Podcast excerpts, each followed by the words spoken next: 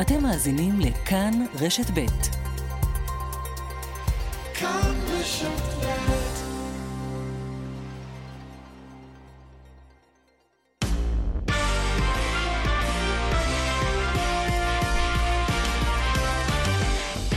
אחר הצהריים טובים, אנחנו בכאן ספורט, תוכנית הספורט השבועית של כאן רשת ב'. היום אנחנו עם נבחרת ישראל בכדורגל שמחליטה לא לזמן את ערן זהבי.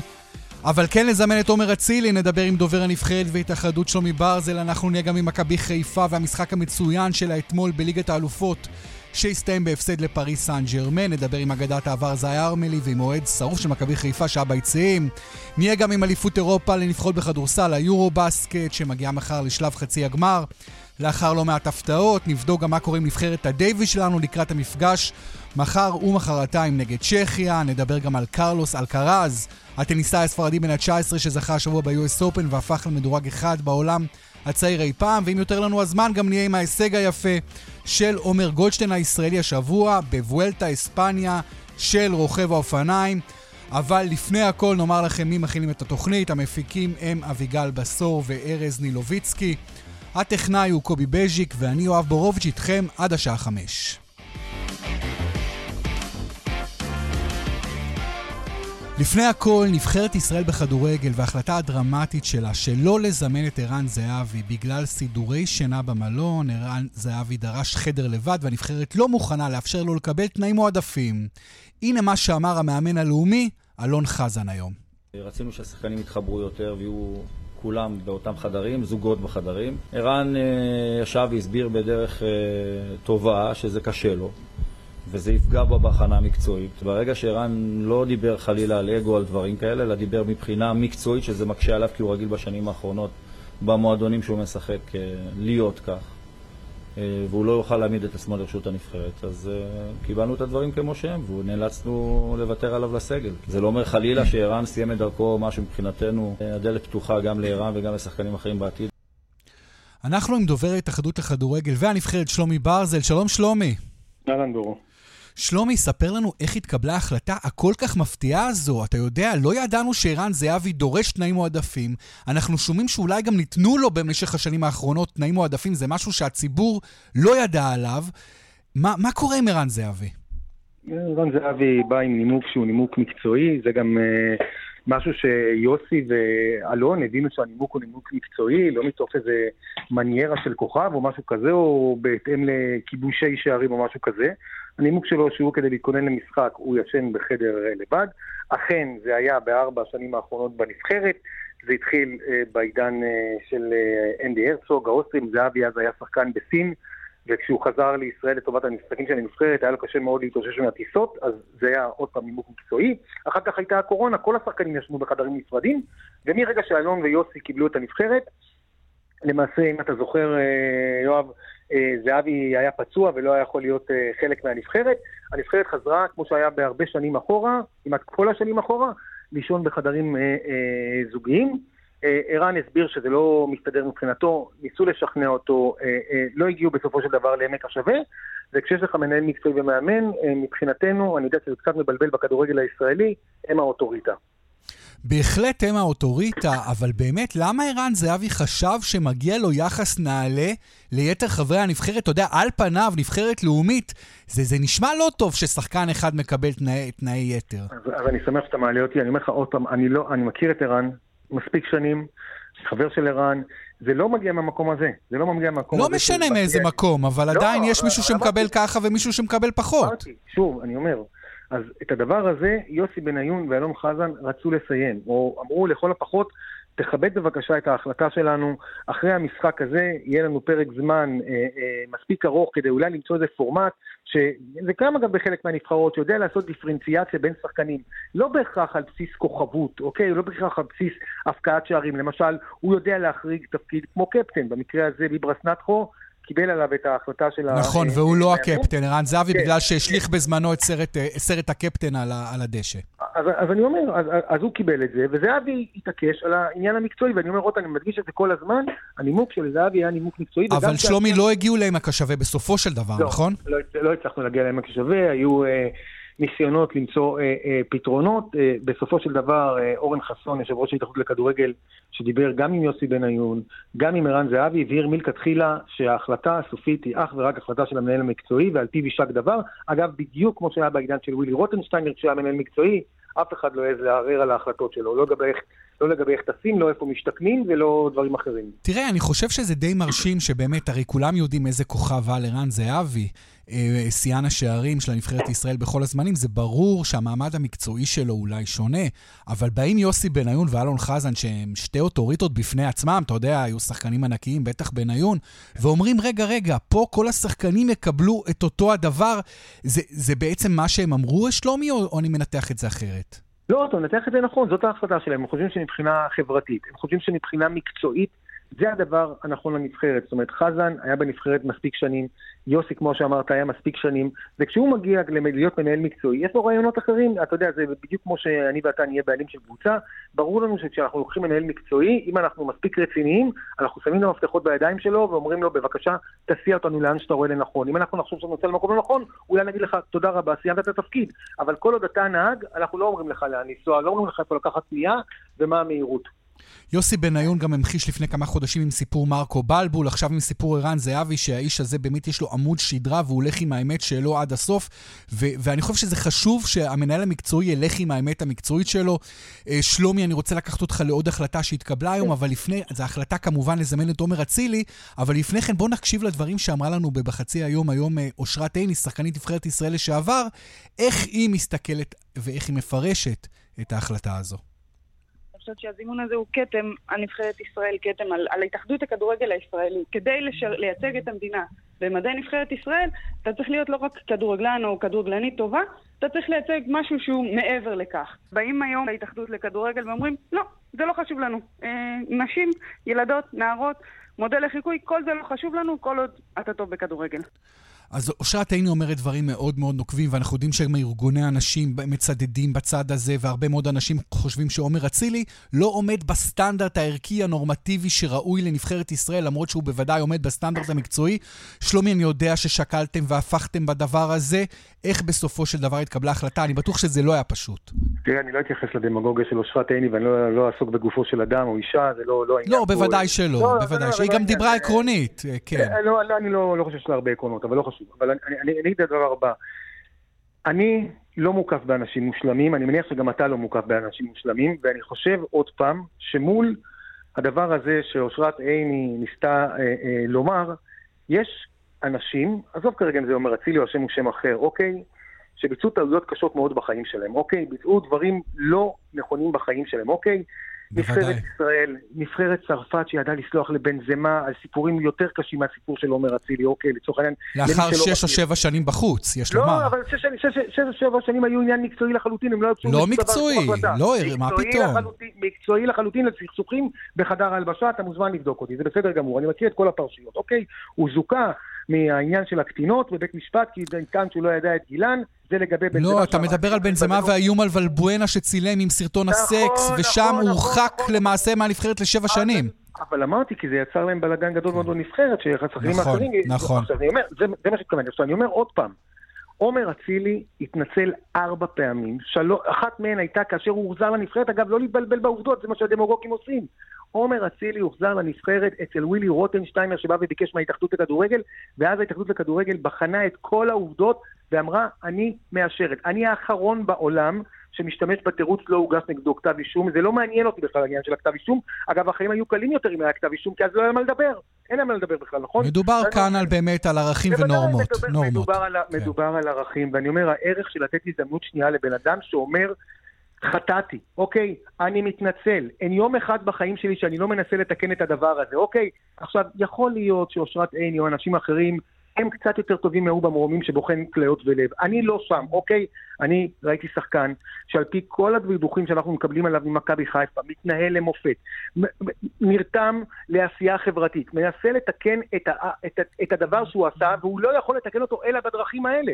אז החלטנו שמגיעה לו הזדמנות שנייה, אבל שלומי, אוקיי? שלומי, דבר נוסף, אתה, אתה אומר ו- וצודק שבאמת בעבר, כבר לאחר שהתפוצצה הפרשה הזו, עומר אצילי אכן הוזמן, הוא בקושי בקושי שיחק, ואז הוא לא נכון. הוזמן, ואז התפוצצה עוד, אה, אתה יודע, ספיח לפרשה, זה פרשת המסרונים, וראינו את המסרונים המאוד מאוד בעייתיים שכתבו אצילי ומיכה. לדעתי, דור מיכה כתב דברים הרבה יותר חמורים. אגב, שנייה. למה אתה מנומס? למה אתה מנומס? בוא אני אעשה לך את העבודה.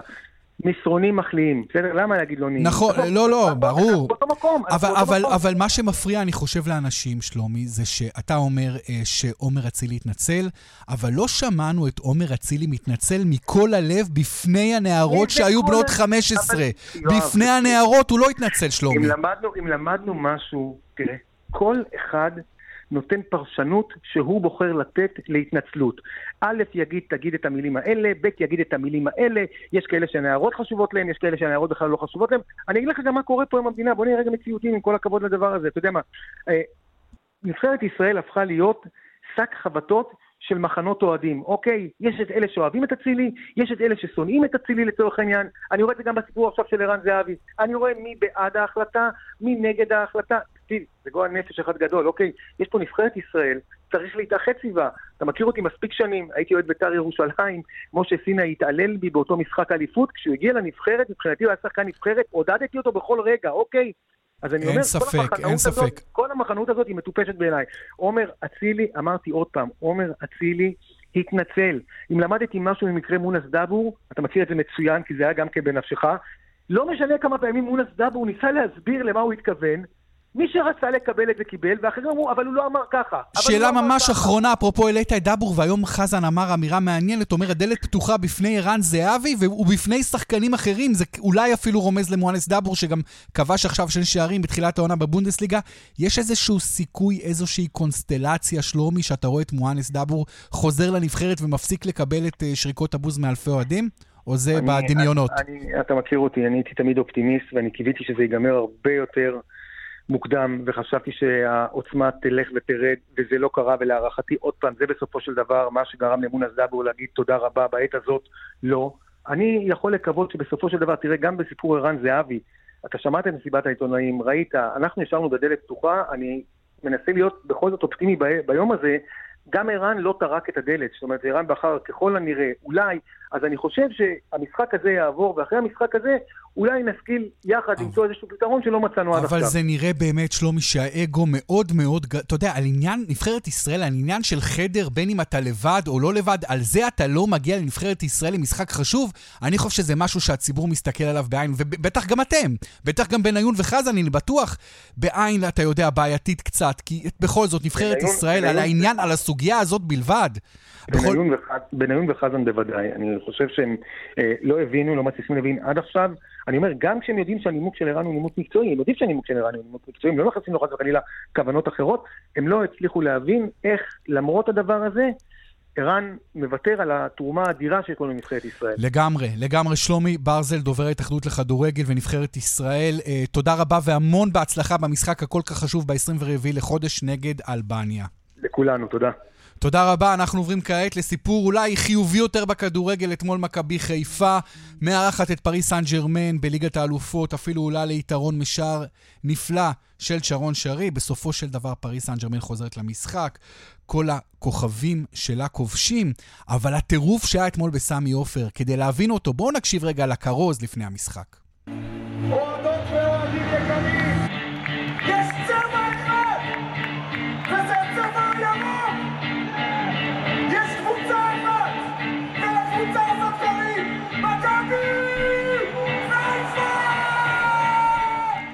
לקבוצה הזאת קוראים מכבי חיפה, סמי עופר, 30 אלף ירוקים באמת ביום גדול, ואנחנו מדברים עכשיו עם מי שהיה אחראי להרבה ימים גדולים של מכבי חיפה בעבר, מי שהיה אחראי לאליפות הראשונה, אחד מגדולי חלוצי ישראל בכל הזמנים, בוודאי במכבי חיפה, זי ארמלי האגדי. שלום זי. שלום יואב, לך ולמאזינים. אז זי, באמת, ספר לנו איך אתה מסתכל היום על מכבי חיפה, על פתיחת העונה החלומית הזו שלה, שהיא מעפילה אחרי 13 שנים לשלב הבתים של ליגת האלופות, מגיעה לליגת האלופות וממש ממש לא עושה בושות. אתמול משחקת מחצית ראשונה יותר טובה, אה, ביכולת יותר טובה מפריס סן ג'רמן של מסי, נאמר ואמבפה, השחקנים הגדולים בעולם. אה, זה מפתיע אותך, זי? מה? זה, מפ... זה מפתיע אותך? לא, לא מפתיע אותי, כי אני, אני אה, אה, אה, כמעט אה, הולך עם מכבי חיפה שלוש שנים האחרונות, ארבע שנים האחרונות, ביחד כשגריר מכבי חיפה, ואני רואה את השינוי המקצועי, הניהולי, השחקנים, המנטליות, אתה רואה ש... תשמע, פעם, פעם היינו משחקים בליגת הקומברס ליג, אה, ליגת אה, הליגה האירופאית, עכשיו אנחנו הגענו לליגה, אה, האלופות, וזה אחד ההישגים האדירים של מכבי חיפה לכדורגל הישראלי. יש שחקנים כאן באמת ברמה הכי גבוהה שאפשר. אני חושב שיענקלה שחר פתח את, את הכיס וקיבל תמורה. תמורה שהוא בתוך מערכת ליגת האלופות, שזה מזרים לו המון כסף, ובעצם גם נותן אשראי לקבוצה עצמה, שבשנה הבאה גם היא תשחק בליגת האלופות במצבים פחות... במשחקים פחות, בכדי להגיע לבתים. כיף לשמוע שאתה אומר, זי ארמלי, שאתה לא מופתע, כי אתה רואה בזה איזשהו משהו טבעי, לא איזה משהו, אתה יודע, שהוא פשוט בלתי יאמן, אלא משהו טבעי, זה אפילו הופך את זה ליותר אולי משמח, ואני רוצה לצרף אלינו את אוהד מכבי חיפה, אוהד שרוף של הקבוצה. אורי מנחם, שהיה אתמול ביציעים ביחד עם כל האוהדים השרופים, הגיע מתל אביב. צריך להבין, מרבית אוהדי מכבי חיפה בכלל גרים מחוץ לחיפה. אתמול נסעתי מאזור המרכז לחיפה, היו פקקים, לא יאמן כמה מכוניות עם צעיפים ירוקים. אורי מנחם, שלום. אהלן יואב, שלום. שלום, כמובן ביי. גם זי איתנו על הקו. אה, אורי, ספר לנו איך הייתה האווירה ביציעים. אווירה מטורפת. אה, החל באמת מהרכבת, שכל כך הרבה אוהדים גם מהמרכז הגיעו, אה, אחרי זה בצעדה לאצטדיון, כל הדרך שירים, צעקות, כולם מרוגשים, כולם מתחבקים אחד עם השני. אה, אווירה ממש של, אנחנו באים ביחד פה למלחמה במרכאות, אבל מלחמה ספורטיבית בקטע טוב. וכשנכנסים לאצטדיון כל פעם מחדש, האצטדיון המדהים הזה שכבר מתמלא לאט לאט, ופתאום 30 אלף איש, והמצנח הזה של, ה... של ליגת האלופות עם ההמנון. אה, המשחק מתחיל, ופשוט כולם באורות, אין אה, מילה אחרת. כולם... אה, אני דיברתי בסוף המשחק עם עיתונאים צרפתים, והם החמיאו לקבוצה, אין ספק החמיאו לקבוצה, אבל מבחינתם, מה שבאמת היה הדבר המשמעותי זה לא הקבוצה על הדשא, אלא הקהל ביציעים, הם היו בשוק מהאווירה, מהעידוד הזה. כלומר, הרמה של הקהל אפילו הייתה יותר גבוהה מהרמה של הקבוצה, שהייתה רמה טובה מאוד. ואני חושב שהשחקן המצטיין אתמול היה מוחמד אבו פאני, שפשוט שיחק כמו מי ששייך לרמות הכי גבוהות. זי, מה חשבת על היכולת של אבו פאני? תשמע, זה היה צריך לקרות, בסופו של דבר. הייתה לי הרבה שיחות עם אבו פאני. אבו פאני, בהתחלת העונה, בהתחלת המשחקים... שחקן ספסל.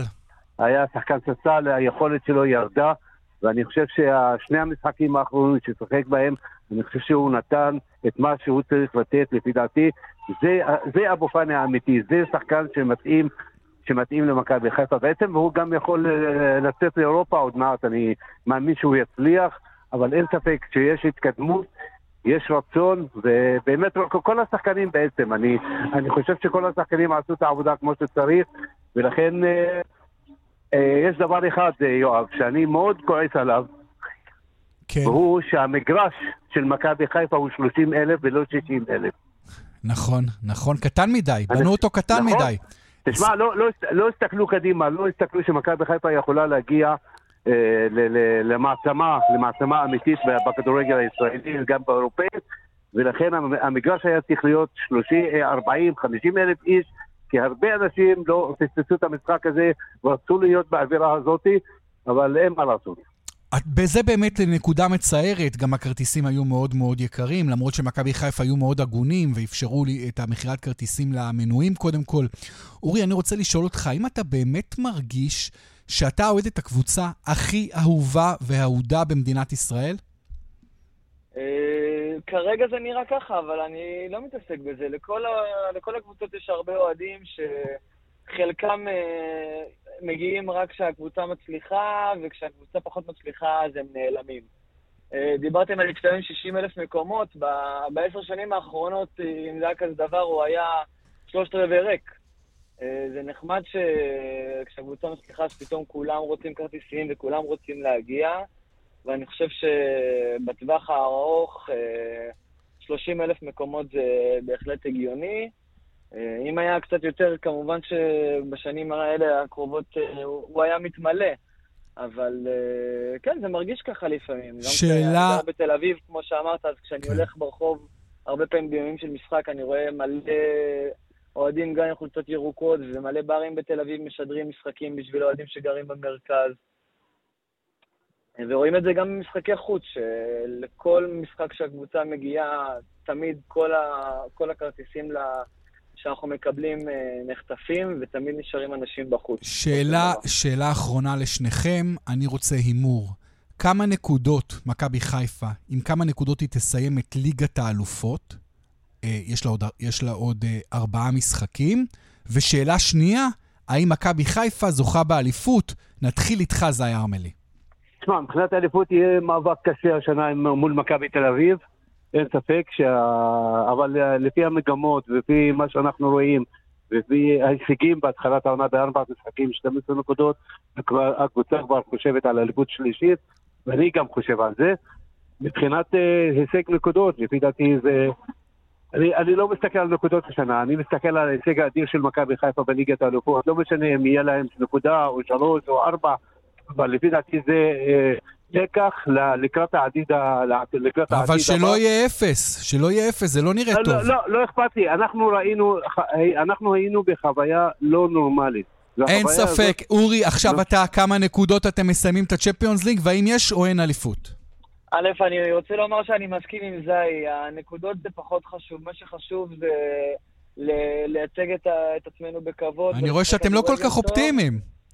אה, אני כן אופטימי, אני מקווה שנשיג לפחות שתי נקודות אם לא שלוש. אוקיי, אוקיי. אה, בקשר לאליפות, אני תמיד מאמין שאנחנו פייבוריטים לאליפות. אה, השנה נראה לי יותר מהשנתיים, שלוש האחרונות, זה כן יוכרע במאבקים בינינו לבין מכבי תל אביב.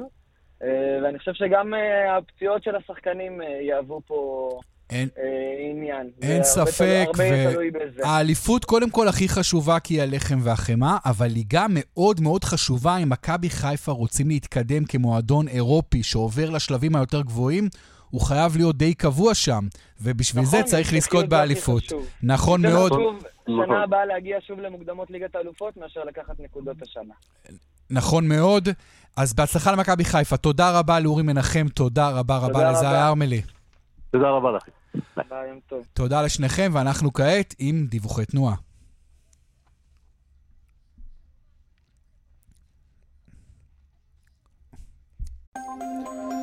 בדרך החוף צפונה עמוס לסירוגין ממחלף חוף השרון עד קיסריה. דרך תל אביב-ירושלים עמוסה משער הגיא עד שורש. דיווחים נוספים בכאן מוקד התנועה הכוכבית 9550 ובאתר שלנו. אתם איתנו בכאן ספורט, תוכנית הספורט השבועית של כאן רשת ב'. אנחנו ממש מתבשרים עכשיו שרוג'ר פדרר, הטניסאי הדגול, החליט לפרוש מאוד בקרוב. אנחנו נהיה עוד מעט בתוכנית בענייני הטניס. יש לנו לא מעט טניסום, כמובן לדבר על פדרר, אבל לפני זה יש לנו על הקו את אודי הירש, פרשן הכדורסל שלנו, שהולך לדבר איתנו על היורו-בסקט, אליפות אירופה לנבחרות. כבר הגענו לשלב חצי הגמר, אליפות נהדרת עם המון הפתעות. שלום אודי. אהלן, מה נשמע? מצוין. אודי, ההפתעה הכי גדולה לפנות בוקר, אה, נבחרת פולין מנצחת את נבחרת סלובניה, אלופ- אלופת אירופה המכהנת, אולי עם הכוכב האירופי הכי גדול שיש, אה, לוקה דונצ'יץ', נבחרת פולין, נבחרת של אלמונים גמורים, מנצחת ברבע הגמר 90-87. לפני הכל בוא נקשיב לדברים שאמר לוקה דונצ'יץ' בסיום, ואיך הוא מאשים את עצמו בהפסד הזה. First of all, congrats to Poland. Uh, they played an amazing games from the first minute to the end. It's a big achievement for them. Uh, I let my team, team down. I let the whole country who was supporting us down, and that's on me. And I got to look back at this game and be better. אז לוקה דונצ'יץ' אומר, אני צריך להסתכל על עצמי ולהיות טוב יותר, ההפסד הזה הוא עליי, אכזבתי את חבריי לקבוצה, את עצמי ואת כל המדינה שהייתה לה ציפייה שנעשה יותר מזה. אתה היית מופתע, אודי, מההפסד הזה של סלובניה לפולין?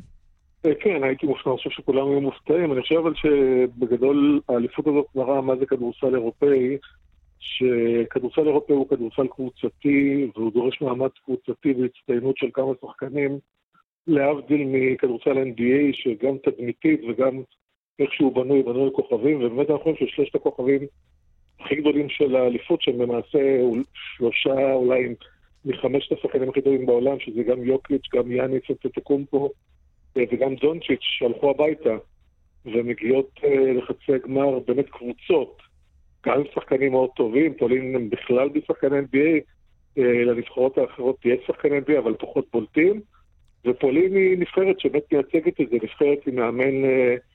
עם מאמן מצוין, מאוד מאמן קרואטי, מאוד מאומנת, מאוד יודעת מה היא רוצה, עם שחקנים סולידיים, עם כוכב אחד גדול, פוניצקה, שגם הוא ישחק שנה הבאה ב-PCL, אה, הוא השנה הבאה היה בסן פטרבורג ביורוליג, אבל גם ישחק חצי עונה בגלל ההרחקה של הרוסיות מאירופה.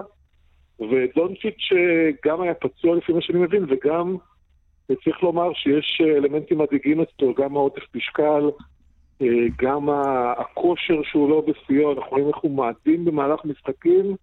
אה, דיבורים על זה שהוא קצת שותה ומעשן, ורואים שזה בא לידי ביטוי, היה לו קשה, הוא באמת... אה, הוא באמת נראה מוגבל במשחק הזה. נכון, וצריך להגיד שגם לפני שנה הייתי בטוקיו וראיתי את חצי, היה לו אולימפיאד גם אז, נכון. ובחצי הגמר ובמשחק על המדליה הוא היה חלש גם בחצי וגם במשחק על מדליה, סיימו ללא מדליה, גם כן. עכשיו הוא גם אמר הפציעה היא לא תירוץ, הוא אומר זה לא תירוץ, אני הייתי היום חלש בלי קשר לפציעה. בואו נעבור לנבחרות אחרות, אה, נראה שהנבחרת המארחת גרמניה סופר חזקה. אתה רואה אותה כפייבוריטית לשחייה, אודי? תראה, כרגע אה, בפייבוריטית אחת, אני חושב שהגרמנים הם הכי עמוקים מכל הנבחרות שנשארו, אי אפשר לזלזל את ספרד. אני רואה שלהם בחצי הגמר, שהם אמנם הנבחרת הכי פחות מוכשרת שהייתה להם מזה המון שנים, אבל הם, הם, הם אולי הקבוצה המסורת הכי גדולה היום בכדורסל האירופאי. אה, הגרמנים יש להם גם אה, מאמן מצוין, גורדן הרברט, הקנדי, וגם אה, כמה שחקנים גיל שהם לא כוכבי על, שרדר, פרנץ ונגדר, דניאל טייס, יחד עם הבסיס של השחקנים אה, אה, מאלבה ברלין ומביירן מינכן, המון עומק, משחקים כדורסל מאוד חופשי, מאוד יפה לעין, שומרים מצוין, והם כרגע הנבחרת שנראית הכי טוב באליפות קשה לקחת מהם את זה. אני מסכים איתך שהם נראים הכי טוב, ויש להם את הביתיות, וגם חברים בברלין אומרים לי שהביקוש שם לכרטיסים הוא מטורף, ואפילו הכרטיסים, מחירי הכרטיסים גבוהים, שזה דבר לא אופייני בברלין, כן, לא אופייני בכלל. בברלין, באמת הביקוש עד כדי כך גדול, אז יש באמת בחצי הגמר את גרמניה, את אה, צרפת, את ספרד ואת פולין, אבל חייבים לחזור למקרה שלנו, אודי, הייתה לנו אליפות מאוד מאוד מאכזבת. אה, איך אתה מנתח את הכישלון הזה? תראה, אה, היה קצת עבר מתחת לרדאר אה, לפני אה, מספר ימים עמוס פרישמן דיבר בערוץ הספורט עם דניאל זילברשטיין וחשף כמה דברים מאוד מעניינים. קודם כל הוא אמר, הוא לא רצה, עמוס פרישמן הוא יושב ראש הוועדה המקצועית של האיגוד, הוא לא רצה שעודד קדש יפוטר. אחרי זה הוא לא רצה שפיני גרשון ירד לספסל, והוא גם סיפר שפיני גרשון לא רצה לרדת לספסל לסייע לגיא גודס, והוא גם סיפר שפיני גרשון אם זה היה תלוי בו, גיא גודס לא היה מגיע אל אריאל בית הלחמי. ומי שהחליט, אה, כך לפי פרישמן, את כל הדברים האלה, הוא יושב ראש האיגוד עמירם הלוי. אז כשזאת ההתנהלות, ועכשיו היא גם נחשפת בפנינו, ואנחנו רואים שהגיע מאמן שלא שלמים לגביו, ופוטר מאמן שכולם רצו, אה, זה הקרין גם על המגרש, זה הקרין גם על האמון של השחקנים, תחושת כאוס והנאצה בפסקי זמן שכולם מדברים. אה, זה כישלון ש... א', אנחנו לא כאלה גדולים. אה, לא הגענו, אה, מ-2009, חוץ מפעם אחת, לא הגענו לשמינית הגמר. אין לנו מתאזרח שזו טעות, אנחנו רואים שהנבחרות הכי... אנחנו רואים שפולין בלי סלוטר, המתאזרח שלהם לא מגיעים לשום מקום, אותו דבר גם ספרד עם, לא- עם לורנזו בראון ממכבי, שמחזיק אותם נכון מאוד. הזאת. מתאזרחים ברמה, משחקים מצוין. דווקא דווקא משהו שאולי מוסרית הוא פגום, אבל עשינו אותו מצוין פעם, לא נעים לומר, ודווקא כשכולם אה, עלו על הרכבת הזאת, אנחנו ירדנו ממנה, אה, וזו טעות שאנחנו חייבים לתקן כמה שיותר, נכון. כי אנחנו לא מספיק טובים בשביל לוותר על אה, מתאזרח, וגם שדני אבדיה לא יהיה לנו אותו בחלונות הבאים.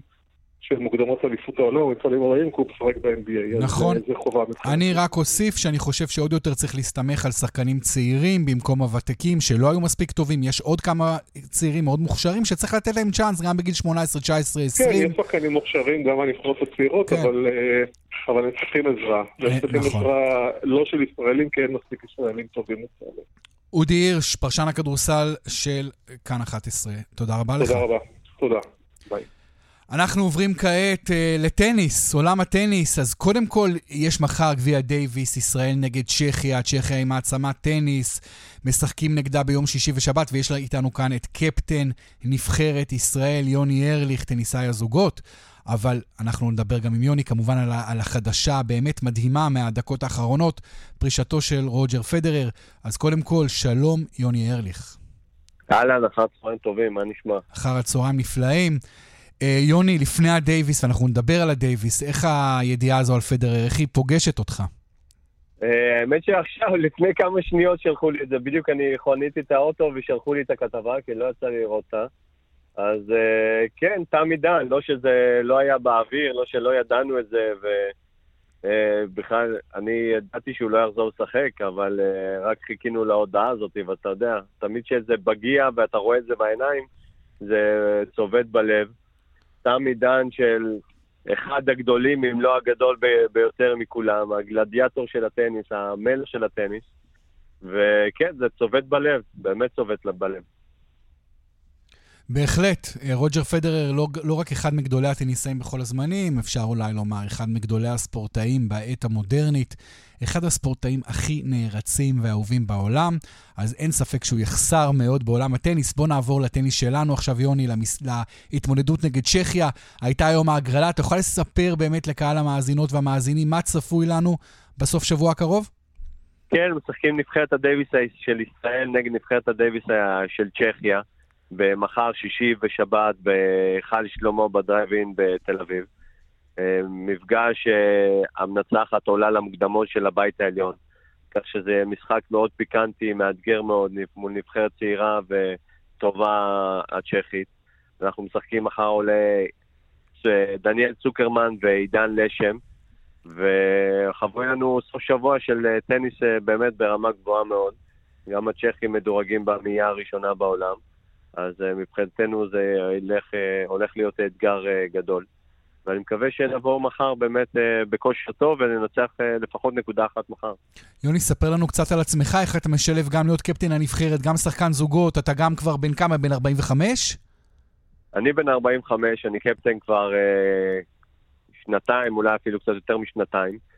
Uh, קצת כבר התרגלתי, אבל ללא ספק uh, להיות גם הקפטן ואחראי על הנבחרת ועל החבר'ה ועל הצעירים, למרות שיש לי צוות אה, מדהים וצוות מאמנים שעוזר לי, וגם צוות רפואי שעוזר לי מאוד, עדיין אה, רוב הדברים מוטלות על הכתפיים שלי, במיוחד ההחלטות. וגם צריך להיות, לדאוג לעצמי ולהיות כשיר ולשחק, במיוחד ביום שבת. אז זה אה, שבוע מאוד uh, מאתגר ואינטנסיבי בשבילי. יחד עם זאת, זה משהו שאני נהנה ממנו מכל רגע, זה באמת uh, חוויה יוצאת דופן להיות uh, בגיל הזה עדיין לשחק בשביל הנבחרת, בשביל הקהל הישראלי המדהים שיש לנו פה, וזה כל פעם באמת, uh, זה מרגש אותי מחדש. ואני כבר מאוד מאוד מחכה מחר לעלות ולהיות חלק מהנבחרת, ויום שבת לעלות למגרש ולשחק. יוני, עד כמה הקהל חשוב, כמה צופים אמורים להגיע ו- ולדחוף אתכם בהתמודדות הזו המאוד קשה נגד צ'כיה. רק נגיד, צ'כיה היא מעצמת טניס, מדינה שהצמיחה את מרטינה נברטילובה ואיוון לנדל ועוד רבים וגדולים, אנחנו לא באמת ברמות האלה. אמ, אז כן, צ'כיה יש לה היסטוריה מדהימה של אה, ספורט, בטניס, זכו בגביע דייוויס. כמה וכמה שנים, אני חושב בשנים האחרונות אפילו פעמיים ברצף. אה, כמו שאמרת, אגדות טניס הגדולות בעולם, הכי גדולות בעולם גדלו בשם. וזה יהיה מרתק, האיצטדיון אמור להיות מלא, הבנתי היום, דיברתי עם אבי פרץ, אמר שהכל כמעט סולד אאוט, כך שמעל 3,500 צופים יהיו באולם, וואו, כמות מאוד יפה. חוויה בלתי רגילה. אז באמת אנחנו קוראים לכל חובבות הטניס וחובבי הטניס בישראל, ויש רבים ורבות כאלה, אנחנו יודעים עכשיו מהבעלה לכרטיסים לטורניר ATP תל אביב, אז באמת אתה אומר יהיה מלא בדייוויס, איזה יופי. יוני ארליך, קפטן נבחרת הדייוויס, שיהיה לכם המון בהצלחה נגד צ'כיה. אחלה, תודה רבה, ואני קורא לצופים לבוא. אם מנצחים מעפילים אלה... לבית העליון, נכון? אם, לא, אם אנחנו מנצחים, אנחנו מעפילים למוקדמות לבית העליון. אוקיי, אוקיי. אבל זה מול המעצמות, באמת ה-24 הנבחרות הכי טובות בעולם. אוקיי, יוני ארליך, המון תודה. ביי חבר'ה, להתראות, תודה. ואנחנו נשארים בעולם הטניס. אנחנו רצינו לדבר על קרלוס אלקרז, הספרדי שזכה השבוע ב-US Open בגיל 19 בלבד, הופך להיות המדורג ראשון בעולם, הצעיר אי פעם. סנסציה. אבל יש עכשיו ידיעה יותר סנסציונית. רוג'ר פדרר הגדול, הדגול, פורש מטניס בקרוב, אנחנו כאן עם אלון עידן מהארץ. סאלה מרגי, עיתונאי האלמונדו. אז שלום סל, שלום אלון, אני אתחיל איתך אלון, כי אתה כתבת כל כך הרבה שנים, כבר שני עשורים על רוג'ר פדרר, אתה רואה אותו בארצות הברית, אתה רואה אותו במקומות אחרים בעולם כל כך הרבה פעמים. איך אתה מרגיש עם הפרישה שלו? קודם כל זה באמת טרי, כן? אז אני עוד לא יודע איך להרגיש, אתה מבין? זה פתאום נחת... זה בא לך לא- בהפתעה? תראה, זה לא בלתי צפוי לגמרי, כי אה, הוא היה אמור לחזור ללייבר קאפ, הוא גם ישחק את זה כנראה. אחרי הלייבר קאפ, נכון? הוא אמר שהוא יפרוש אחרי הלייבר כן, קאפ. כן, כי זה, זה, זה ראווה, אתה יודע, הוא לא... אבל לא אין יותר גרנד סלאמים. אין גרנד סלאמים ואין טורנירים בסבב בעצם. אה, זאת אומרת, אין תח... זה מאורע היסטורי. מאורע היסטורי, וזה היה צפוי כי הבנתי שהוא היה אמור לחזור לבאזל, אבל אז כנראה הפציעה חזרה.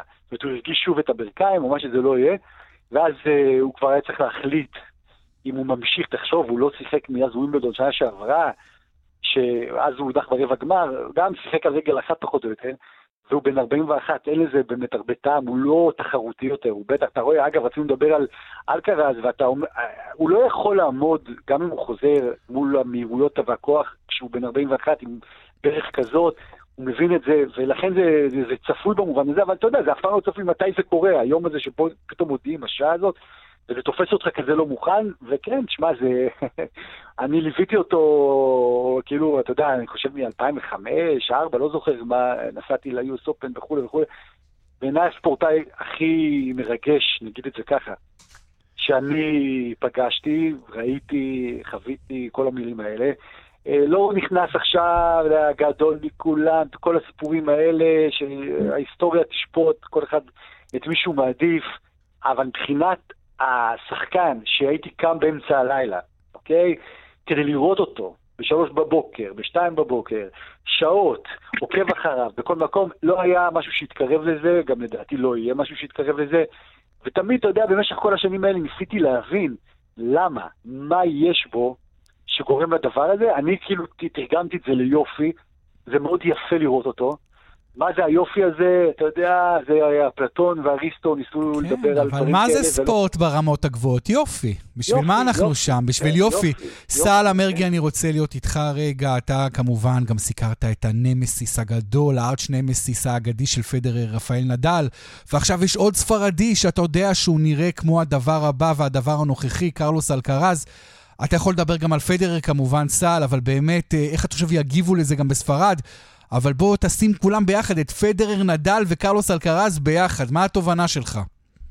התובנה שלי זה התובנה של הפרשנים ובעיקר המאמנים שהיו עם אלקרז, אתה יודע, בן 21 רק. 19. אה, סליחה, סליחה, 19, וגם היו עם נדל, וכל אלה אומרים שבגיל 12, 10, משהו כזה, אלקרז יש לו יותר, דבר, יותר טכני, יותר דברים, יותר כישרון מנדל. עוצמות מת... מטורפות, כן, כן ויותר כן, טכני, נכון. כן, כן, יותר טכני גם. נדל תוך כדי הפך לאגדה, אבל אלקלס כבר בגיל אה, שמונה, תשע, המאמנים שלהם אה, אומרים שהיו צריכים לקחת אותו למקומות אחרים, כי לא היה לו יריבים בגיל שלו. אה, וזה די מדהים האיש הזה, שזה נכון, בספרד יש איזה, בוא נגיד, מבחינת אפילו פסיכולוגי, כי, כי נכון שכל האנשים מאוד אוהבים את מה שעשה קרס ב... בניו יורק וכל הדברים האלה, אבל אתה יודע, יש עדיין מלך, זה המלך לא מת. המלך לא מת בכלל, לא, לא, לא, למרות שטיאפו האמריקאי ניצח אותו, וזה לא פשוט. אלון, נכון. אתה חזרת עכשיו מניו יורק. קרלוס אלקרז, בן 19, המדורג אחד בעולם, הצעיר אי פעם, זה, זה אפילו רוג'ר פדרר הגדול לא יכול להגיד את זה על עצמו. אה, לאן אתה רואה את הקריירה של הילד הכל כך מוכשר וכל כך עוצמתי הזה ומגוון? לאן היא הולכת? אם לרוג'ר פדרר יש 20 סלאמים, לרפאל נדל יש 22, זה גרנד סלאם. לג'וקוביץ' 21. באמת, מהספורטאים הגדולים אי פעם כולם. לאן קרלוס אלקרז יגיע לדעתך? עכשיו הזמן להגיד את זה, כשהוא בן 19. תראה, אני אגיד לך מה, זה, הוא, הוא שחקן שיש לו הכל, הכל, הכל, הכל, הכל, באמת הכל. וכשאומרים הכל, יש לו אה, פורן מדהים, ובקן מדהים, ומשחק רשת מדהים, ודרופ שוטים, ולובים, ותנועה פשוט מזהירה, וכוח, וסרב מצוין, אני חושב ששם הוא צריך עוד להשתפר, אבל יש לו הכל, ולכן אצלו השאלה, כמובן, תמיד הם מכניסים את הכוכבית של פציעות, דברים מהסוג הזה, אתה יודע, אה, נאחל שזה לא יקרה. אני חושב שאגב נדל, השאלה של אלקרס תהיה אופי. על פניו נראה שיש לו את האופי הזה, אבל אני אומר לך, לא היה אופי בספורט, ובטח בטניס כמו לנדל. זאת אומרת, שחקן שנלחם על כל נקודה, כאילו החיים שלו תלויים בזה, כל החיים, כל השנים, כל הטורנירים, ואם יש לאלקרס את הדבר הזה, אוקיי? את האובססיה הזאת, אז לדעתי הוא יעבור, הוא יהיה באזורים של 20 פלוס גרנד סלאמים, יחד עם כל הגדולים האלה, אפילו יכול לעקוף אותם, כי היכולת שם. אם יש לו את האופי הזה, אנחנו נגלה, אתה יודע, אתה מגלה את זה באמת, קשה לדעת. בטורניר הזה הוא כן הראה את האופי. בהחלט, בהחלט. יהיה מרתק לראות את אלקרז, ובאמת מדברים על האופי והווינריות והכישרון. אסטלה מרגי, אלון עידן, תודה רבה לשניכם. ביי. ביי. ואנחנו עם דיווחי תנועה.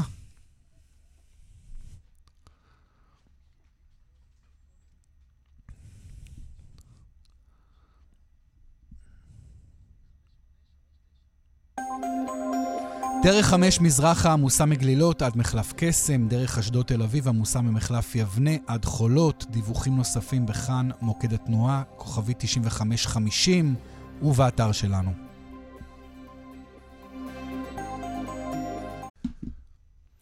אנחנו בכאן ספורט, תוכנית הספורט השבועית של כאן רשת ב', ולפני סיום אנחנו עם עומר גולדשטיין, רוכב האופניים הישראלי הבכיר ביותר אי פעם, שעושה השבוע הישג נהדר, מסיים את הוולטה אספניה, אחד מהמרוצים הגדולים בעולם, באחד השלבים אפילו מסיים במקום השביעי. עומר, אתה מדבר איתנו מאנדורה, שלום. היי, שלום יואב, מה שלומך?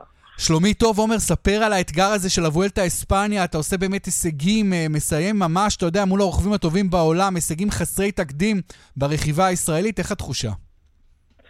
אה, תחושה טובה, אין לי באמת מה להגיד, אה, זה כמו חלום, אבל אני מתאמן קשה באמת בשביל זה, אני חי באנדורה באמת, עושה הרבה מחנות אימונים בגובה. אני מסתכל על זה באמת שהייתה עונה לא רעה. אה, ועשיתי את התוצאות הכי טובות שעשיתי העונה. הש... בכללי, כן. כן, עומר, ובאמת, ספר לנו מה האתגר הבא שלך. כבר היית בטור דה פרנס, היית בבואלטה אספניה. עכשיו לא יכולת להתחרות בטור דה פרנס הזה בגלל קורונה. אה, באמת, מה האתגרים לשנה הבאה? עד כמה גבוה אתה עוד יכול לטפס? אה, אז כן, האתגר הבא הוא באמת לנצח מרוץ. השנה הייתי קרוב, סיימתי שלוש פעמים אה, על הפודיום אה, במגוון מרוצים, אה, סיימתי בטופ 10 בגרנד ולוני, זה מרוץ רב שלבים בבלגיה, סיימתי פה שמיני כללי. אז באמת שנה הבאה אני מצפה מעצמי, ואני מקווה באמת שאני אוכל באמת ל... אז באמת, עומר גולדשטיין, אני גם הייתי איתך, ליוויתי אותך לפני שנתיים וחצי בדובאי, עוד לפני הסכם השלום מול האמירויות, ורכבת שם, ומאוד מאוד הרשמת, ומאז אתה רק כל הזמן הולך ומשתפר. רק נגיד שאתה ממועצה אזורית משגב, אבל גר, גר באירופה ועושה חייל. תודה רבה לך, עומר. בכיף, בכיף. ואתם הייתם איתנו בכאן ספורט, תוכנית הספורט השבועית של כאן רשת ב', הפיקו אביגל בשור וארז נילוביצקי, הטכנאי היה קובי בז'יק, ואני יואב בורוביץ', סוף שבוע נהדר וספורטיבי לכולכם, ומיד אחרינו כאן הערב עם זאב קם וקרן אוזן.